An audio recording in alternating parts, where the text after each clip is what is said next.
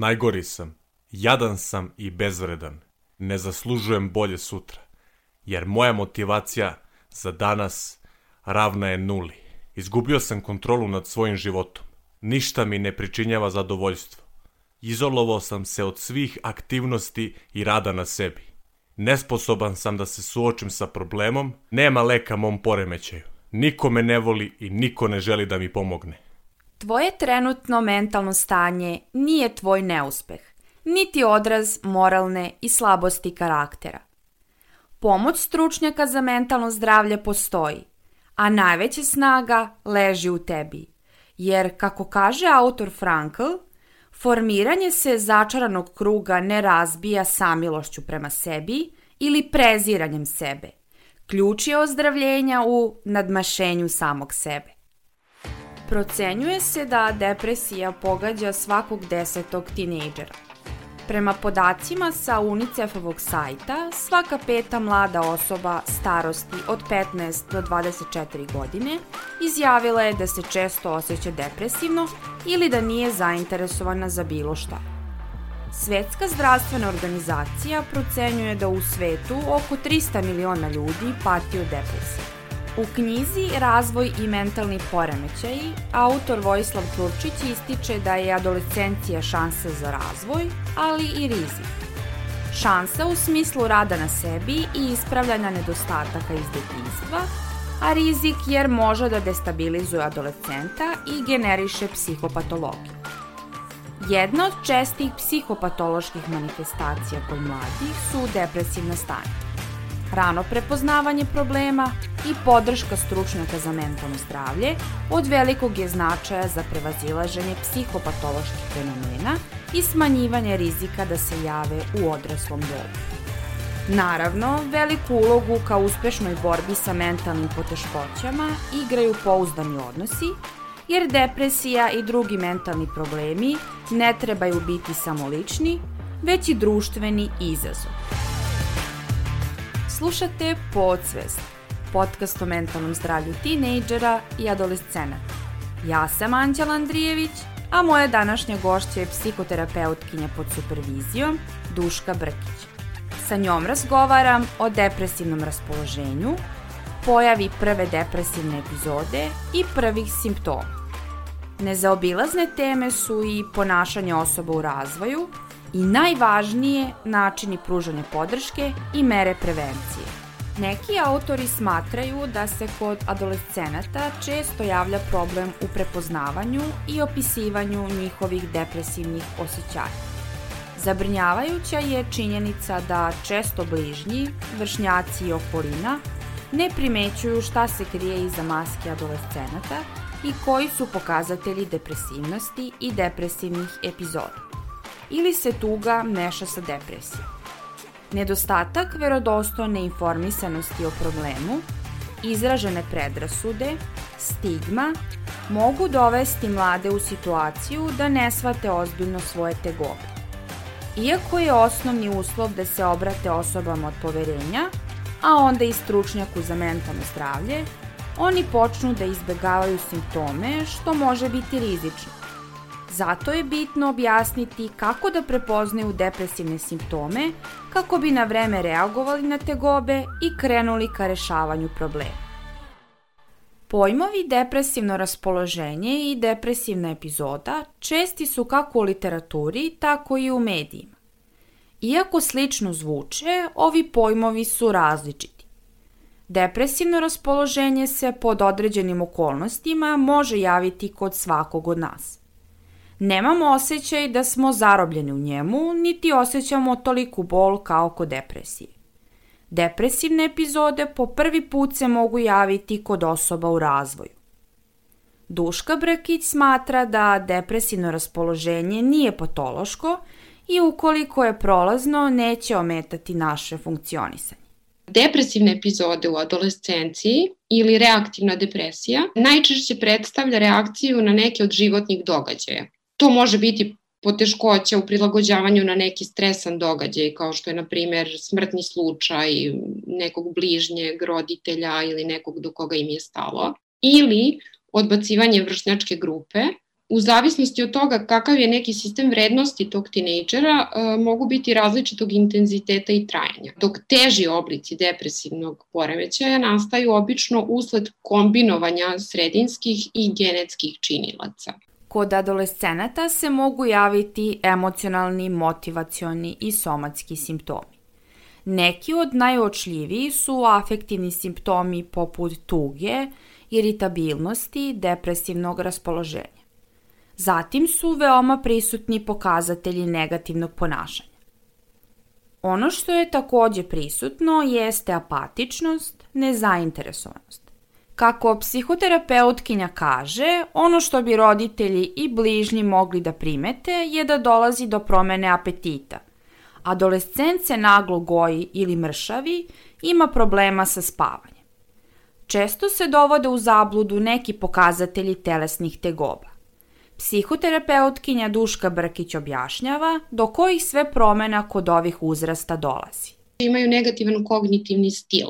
Šta znači negativan kognitivni stil? To znači da njihove misli teku u tom pravcu nekom pesimističnom, da pretarano generalizuju i da imaju neke predikcije u pravcu negativnog ishoda. Takođe, ono što je vrlo značajno da se javlja anhedonija, to je e, smanjenje interesovanja i uživanja u običajnim nekim aktivnostima. Sve to zajedno može da uslovi socijalno povlačenje, gubitak pažnje, koncentracije, poteškoće u donošenju odluka, probleme sa hranom i spavanjem, insomniju, hiperinsomniju. Oni se takođe žale i na neke somatske žalbe, a to je pojava glavobolje koja je učestala, stomačne tegobe, bolovi u mišićima zbog čega ih roditelji vode kod lekara opšte prakse, jer će teško posumnjati upravo na depresiju kod ovakvih simptoma. Tako da nekada i lekar opšte prakse u stvari detektuje da je reč o depresiji. Što se behavioralnih problema tiče,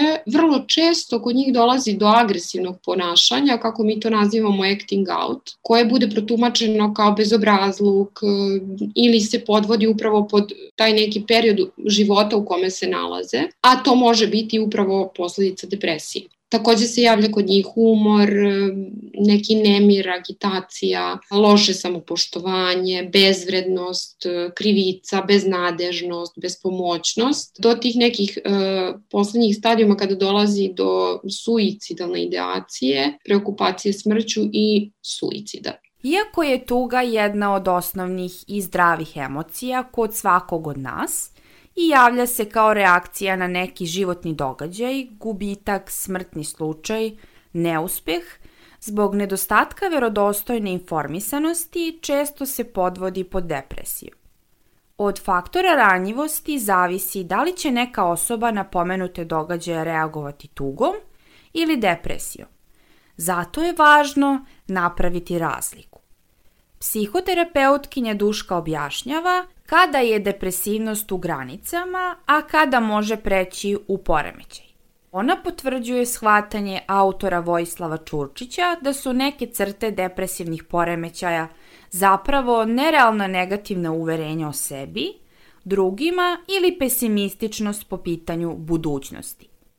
Kada smo tužni, nemamo loše mišljenje o sebi. Kada tuga preraste u depresiju, slika o sebi se drastično menja. Dakle, imamo loše mišljenje o sebi, dolazi do negativnog vrednovanja. Mi apsolutno negativno vrednujemo celokupnu ličnost. Dakle, mi ne valjamo, mi smo loši, loša osoba. Takođe, razlika je u intenzitetu. Intenzitet tuge je uvek srazmeran jačini uznemirujućeg događaja koje izaziva, dok se kod depresije osjećanja su nekako preterana u odnosu na događaj koji ih je izazvao. Tuga traje ograničen vremenski period, a kada tuga preraste u depresiju, osjećanja traju dugo i imamo doživljaj da se nikada neće promeniti. Dakle, to je u stvari taj najveći problem, jer smo zarobljeni u tome. Iako osjećamo tugu, mi smo optimistični u pogledu budućnosti, funkcionalni smo, a kada se javi depresija, mislimo da stvari neće bolje izgledati, ni u budućnosti, nikada odustajemo od aktivnosti, gubimo interesovanja za prijatelje, za izlaske. E sad, ono što je isto bitno pomenuti jeste da kada je tuga u pitanju, naše neke negativne misli su realne. Dakle, desio se događaj i tuga je realna. Nekako je normalno da je ona tu. A kada tuga preraste u depresiju, negativne misli su prisutne i one su preterivanje, to jest ne mogu se dokazati u realnosti. Dakle, nisu činjenice. Što je kod tinejdžera vrlo izraženo. Pojedine statistike ukazuju da svaki peti adolescent iskusi depresivnu epizodu, a 10 do 15 dece i adolescenata imaju neke znake depresivnosti. Neke studije takođe pokazuju da se poremeće i danas pojavljuju na sve mlađem uzrastu. Adolescenti i tinejdžeri često nisu svesni da su dugo u toj deprimiranosti koja može prerasti u depresiju. Psihoterapeutkinja kaže da praksa u radu s ovim uzrasnim grupama pokazuje da takođe i roditelji, vršnjaci i nastavnici smatraju da je depresivno raspoloženje normalno za taj uzrast. Iako je to period koji nosi sa sobom velike promene i u kojem oni pokušavaju da nađu odgovore o sobstvenim identitetima teže da pripadaju vršnjačkoj grupi, a neretko se desi da su odbačeni i neadekvatno tretirani, da se javljaju određene posledice, unutrašnji sukobi koji mogu biti faktori rizika depresije. Iako je činjenica da depresija može biti genetska, biološka, neurohemijska, javljaju se velike poteškoće u prepoznavanju depresije zbog nekih okidača koji nisu jasno vidljivi. Psihoterapeutkinja Duška smatra da samo stručna lica mogu prepoznati tu blažu depresiju, neke atipične pokazatelje ili osobe od poverenja koji znaju sadržaj nekih misli samih tinejdžera. Depresija negde spada među psihološke poremećaje koji se najčešće u stvari previđaju i ne tretiraju, jer detinstvo samo po sebi negde podrazumeva sreću, bezbrižnost, taj neki doživljaj adolescenta da svi nešto od njega očekuju. Dakle, roditelji, škola, vršnjaci, a tu su i njihovi zahtevi prema sebi samima. Kada njihovi zahtevi odstupaju od onoga što od njih očekuju drugi, a pre svega vršnjaci, to često može biti okidač za javljanje tuge a ukoliko se prolongira i javljanje depresije. Depresija kod adolescenata u velikom broju slučajeva prođe, kao što sam rekla, neopaženo, čak i od samog tinejdžera, koji u stvari su tu teskobu proživljava. E, to se sad dešava, e, dakle, sve do onog momenta dok ne dođe do ozbiljnijih posledica. Tu je neuspeh u školi, povlačenje iz društva, može doći do uzimanja alkohola, psihoaktivnih substanci, delikventnog ponašanja, samopovređivanja do samoubistva. Blago depresivni tinejdžer se ponaša i govori normalno. Ne postoji neki spoljašnji znak depresije. Blaga tinejdžerska depresija manifestuje se putem nekih mračnih fantazija, neke morbidne tematike, sanjarenja i nekih izjava koje se uglavnom pripisuju njihovim godinama. Dakle, to jeste najveći problem, jer tinejdžer izgleda depresivno uglavnom samo u teškoj depresiji. Doktor Neil Nidley mišljenja je da osobe koje pate od depresije udaljavaju se od rešenja zbog opšte prihvaćenog mišljenja da je sramota imati mentalno oboljenje i posetiti psihijatra. Upravo zbog straha od osude, neuspeha i diskomfora, adolescenti pružaju otpor. Redko posećuju stručnjaka svojevoljno, a skloniji su posezanju za Google diagnozama. Javlja se stigma da su lekovi bauk. Psihoterapeutkinja Duška smatra da adaptacija adolescenata na nova osjećanja može iscrpeti njihov mozak i telo. Ukoliko je kvalitet života narušen i javi se nedostatak serotonina i dopamina, uz psihoterapiju primenjuje se i farmakoterapija. Neću da pijem lekove za živce. Umrtvit će me, stvorit će mi zavisnost. Smatraće me ludima ako ode kod psihijatra i uzmem terapiju. Izgubit ću identitet, neću to više biti ja. Neću osjećati ništa. Biću zaravljen. Uvode se kada je intenzitet emocija preplavljujuć, kada je način razmišljanja promenjen, kada se javi manjak volje, energije, prosto je smanjen jedan kapacitet za pozitivno osjećanja, za radost, za uživanje. Kako mi to nazivamo, kada nastupi u stvari to stanje anhedonije ono što lek može da uradi jeste da im olakša obavljanje najosnovnijih stvari, da im smanji emocionalnu prenaglašenost, a samim tim će se i kognicija smestiti u neki zdraviji okvir. Ona podrazumeva primjenu antidepresiva, a u slučaju pojave ozbiljne i komplikovanije kliničke slike depresije, praćene samo povređivanjem, su, suicidalnim idejama ili elementima psihotičnosti, u terapiju se mogu uključiti antipsihotici, stabilizatori raspoloženja i anksiolitici. Često depresivni tinejdžeri u želji da smanje patnju koju osjećaju, koriste marihuanu. Bitno je naglasiti da marihuana nije antidepresiv. Znači, oni će osetiti boljitak, nakon konzumiranja, ali kada prestane da deluje, realnost ih svakako čeka, a njihova patnja se ne rešava. Nekada to rekreativno konzumiranje povlači sa sobom da se adolescent kreće u krugovima koji nude i druge psihoaktivne substance, a depresivni adolescenti su vrlo podložni uticaju drugih i tražeći taj spas probaće sve, što u nekom trenutku prerastaju zavisnost, A onda kada se zavisnost javi, redko ko će posumnjati da je krenulo od depresije, osim upravo stručnog lica. Ako se signali depresije uhvate na vreme, to ne mora biti nešto sa čime će se adolescent suočavati godinama. U suprotnom, depresivne epizode u adolescenciji mogu biti prediktor za ponovno javljanje u odraslom dobu. Depresija nije smrtonosna, ali ukoliko se depresivnost potiskuje, može prerasti u teži oblik. Adolescenti se često agresivnošću brane od depresivnosti. Ukoliko se agresija adolescenata ne filtrira, to može dovesti do suicidalne ideacije.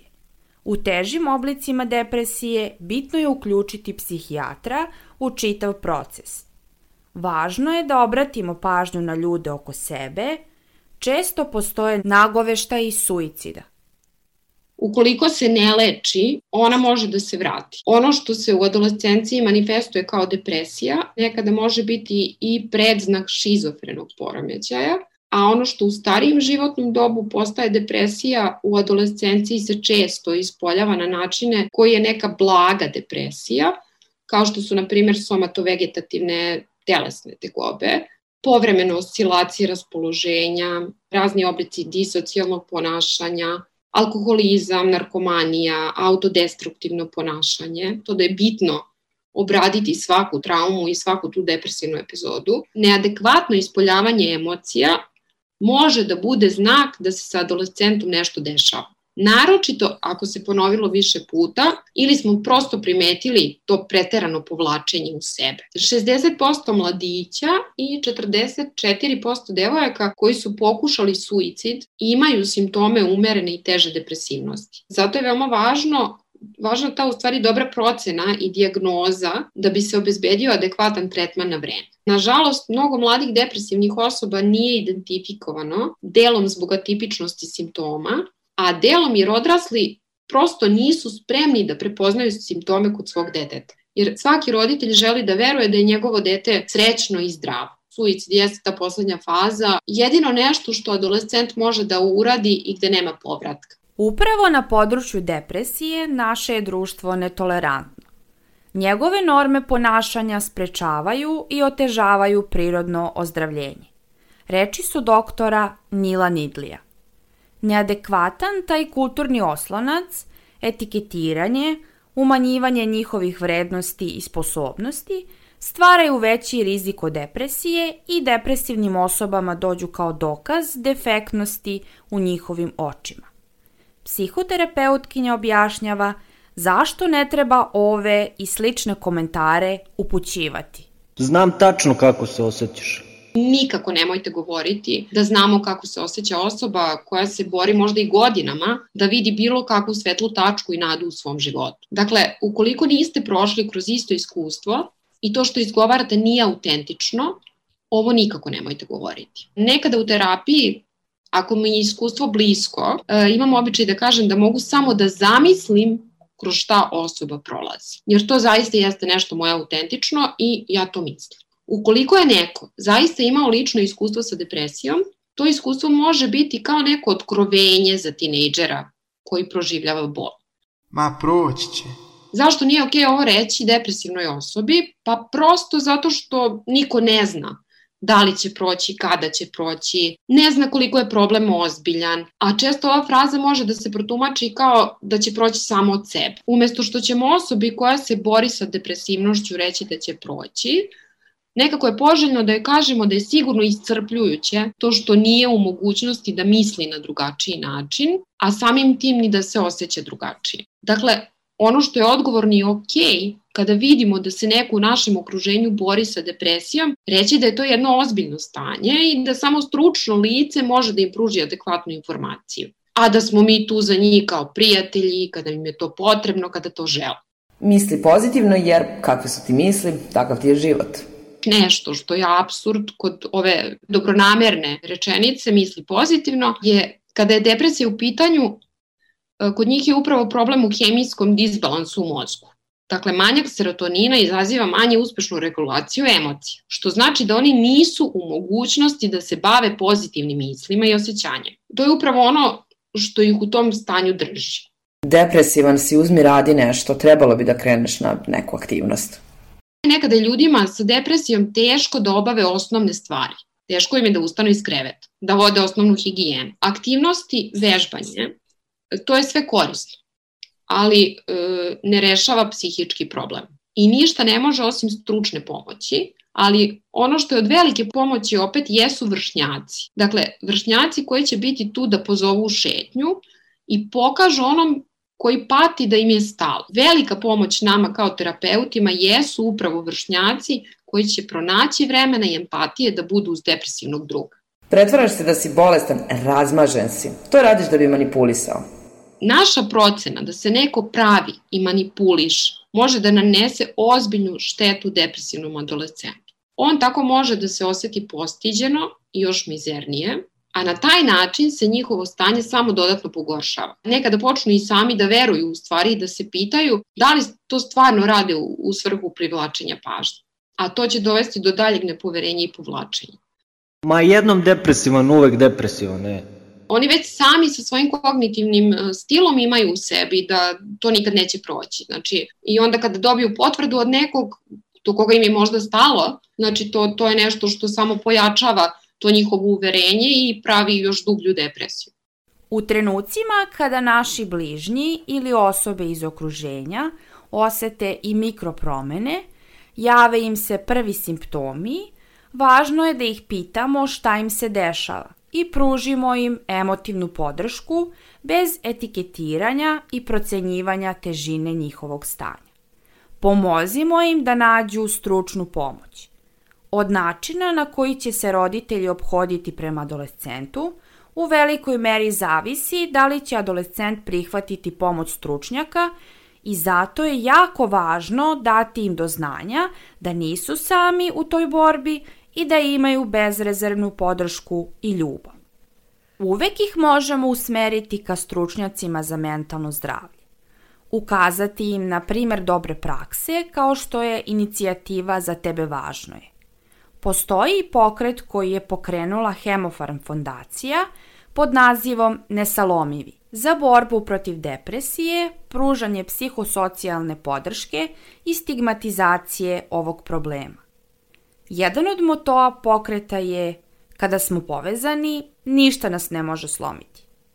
Kao primer rušenja tabua i stigme, na sajtu pokreta mogu se naći ohrabrujuće priče osoba koje se uspešno nose sa ovim problemom ili su ga prevazišli, kao i adresar ustanova za brigu o mentalnom zdravlju. Ukoliko vam se jave mentalne poteškoće, možete im se javiti putem maila pokret at nesalomevi.rs ili putem besplatnog poziva na broj 0800 001 002. Slušali ste Podsvest. Moje ime je Anđela Andrijević. U današnjoj epizodi sa psihoterapeutkinjom pod supervizijom Duškom Brkić razgovarala sam o prvim simptomima depresije koji se mogu javiti kod adolescenata i tinejdžera. Približili smo kada tuga može preći u depresiju i koje su posledice potiskivanja depresivnosti. Istakle smo da je veoma važno reagovati na vreme i potražiti pomoć stručnjaka kako blaga depresivnost ne bi prerasla u teži oblik i ponovo se javila u kasnijim godinama. Ono što smo ovom epizodom još poručili je da je neophodno da svi zajedno se udružimo i radimo na destigmatizaciji problema, jer, kao što je autor Daniel Hell jednom prilikom rekao, depresija nije hidra koji stalno rastu nove glave, kada joj se jedna odseče. Ali ona nije beznačajan poremećaj koji se može zalečiti lako poput dečje bolesti. Ona je izazov sa kojim mora da se izbori ne samo one koji je pogođen, nego i članovi njegove porodice i izvan toga veće ljudske zajednice. Podsvest možete slušati na Sounder FM-u, Podcast RS-u, Google Podcastu i Spotify-u. Do sledećeg osluškivanja podsvesti razgovarajte o tome kako se osjećate. I imajte na umu reči autora Franka Nanetija. Da bismo se promenili, ne treba da se suprostavimo simptomu, već treba da izmenimo plan. Simptom ne treba eliminisati, već shvatiti. On predstavlja poziv za otkrivanje novih pogleda na svet putem odgovarajućih smisaonih pitanja.